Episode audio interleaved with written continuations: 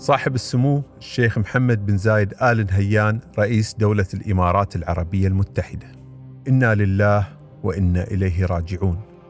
فقدت الإمارات ابنها البار وقائد مرحلة التمكين وأمين رحلتها المباركة ومواقفه وإنجازاته وحكمته وعطائه ومبادراته في كل زاوية من زوايا الوطن.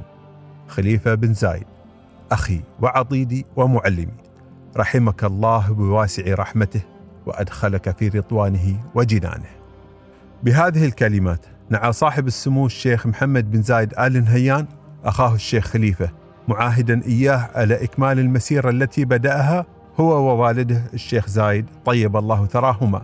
تولى صاحب السمو الشيخ محمد بن زايد آل نهيان مقاليد الحكم في منتصف شهر مايو أيار عام 2022 بعد أن انتخبه المجلس الأعلى للاتحاد ليكون ثالث رئيس للدولة.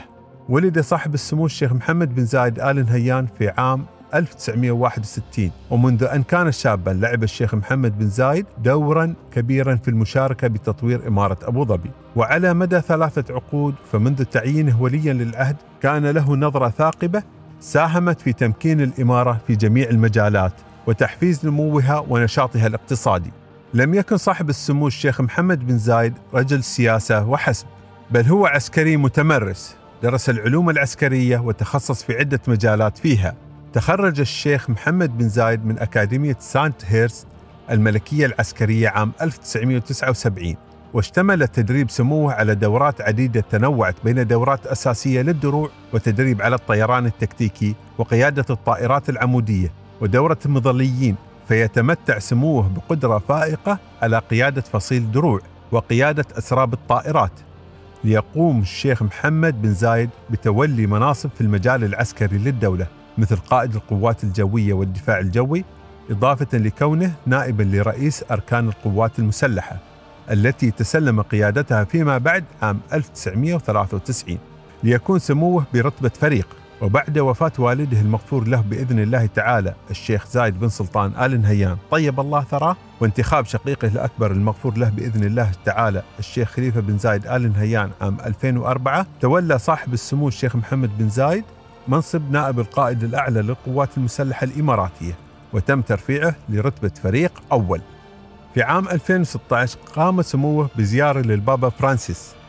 كما ورحب سموه به في عام 2019 لتكون هذه أول زيارة بابوية لشبه الجزيرة العربية حيث تزامن وصول البابا فرانسيس للإمارات مع المؤتمر العالمي للأخوة الإنسانية الذي عقد وقتها تحت رعاية صاحب السمو الشيخ محمد بن زايد حيث تضمن المؤتمر ورشات عمل لتعزيز التسامح ونبذ التطرف وتوقيع اتفاقية الأخوة الإنسانية ليكون شعار الدولة في عام 2019 عام التسامح. لم يقتصر دور سموه على هذا فحسب بل تعداه ليكون حجر الأساس في التنمية الاقتصادية حيث أنه قد عمل على تنويع مصادر الاقتصاد الإماراتي عن طريق مجلس أبو ظبي للتطوير الاقتصادي فقام بتقديم التسهيلات للمستثمرين وعزز القطاع الخاص كما عمل على تنفيذ العديد من المبادرات لتنمية ريادة الأعمال في الدولة كما أعطى حزما تحفيزية في مجال تكنولوجيا الزراعة وخاصة المتعلقة بالزراعة الدقيقة والطاقة الحيوية والزراعة الداخلية. كما أولى سموه اهتماما كبيرا بالتعليم في الدولة، فعمل على رفع مستوى التعليم ليضاهي أعلى المعايير العالمية، وهذا من خلال منصبه كرئيس لمجلس أبو ظبي للتعليم، فكان برنامج التطوير يستهدف كافة المراحل الدراسية، بدءا من رياض الأطفال وصولا للتعليم العالي، كما أن سموه يرأس مركز الإمارات للدراسات والبحوث الاستراتيجية مما عزز من المشاركة الأكاديمية في كافة القضايا. مثل القضايا الاقتصادية والسياسية والاجتماعية. كما أسس تحدي محمد بن زايد للعالمي للروبوتات وذلك تشجيعا منه للابتكار والإبداع.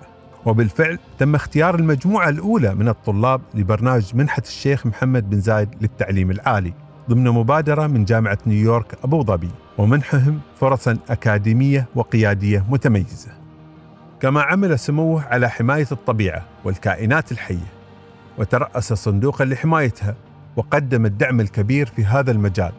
وعمل سموه على تطوير قطاع الطاقة المستدامة مثل الرياح والطاقة الشمسية وساهم في تطوير برنامج لتصنيع أشباه الموصلات مما يمهد الطريق أمام دولة الإمارات للوصول إلى التكنولوجيا المتقدمة.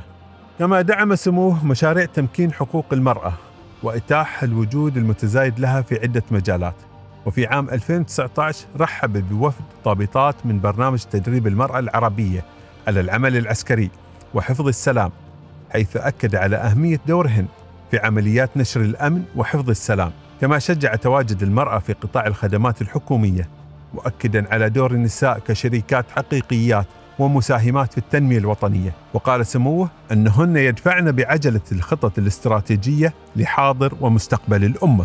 أما عن أعماله الإنسانية فتعدت حدود الدولة فسموه كان قد قدم الكثير في سبيل توفير اللقاحات للأطفال في المناطق الأكثر فقرا حول العالم. ليكون على يد سموه قد تلقى اللقاح أكثر من 35 مليون طفل أفغاني وباكستاني ومن دول أخرى. ليكون هذا التبرع قد أنقذ حياة ملايين الأطفال حول العالم. كما تبنى مشروع القضاء على مرض العمى النهري الذي يصيب الملايين في المناطق المدارية. كما وكان من أبرز المساهمين في دعم القطاع الطبي في العالم خلال جائحة كوفيد-19 من خلال توفير المعدات الطبية واللقاحات لدول العالم وجعل الإمارات مركزا لشحن اللقاحات للعالم سمو الشيخ محمد بن زايد آل نهيان أحد أكبر الأمثلة التي يحتذى بها وأحد أكثر الشخصيات الفاعلة والإنسانية على مستوى دولة الإمارات العربية المتحدة والعالم بأسره. حقبة جديدة بدأها سمو الشيخ محمد بن زايد في تاريخ الإمارات وهي واعدة جدا ومليئة بالإنجازات.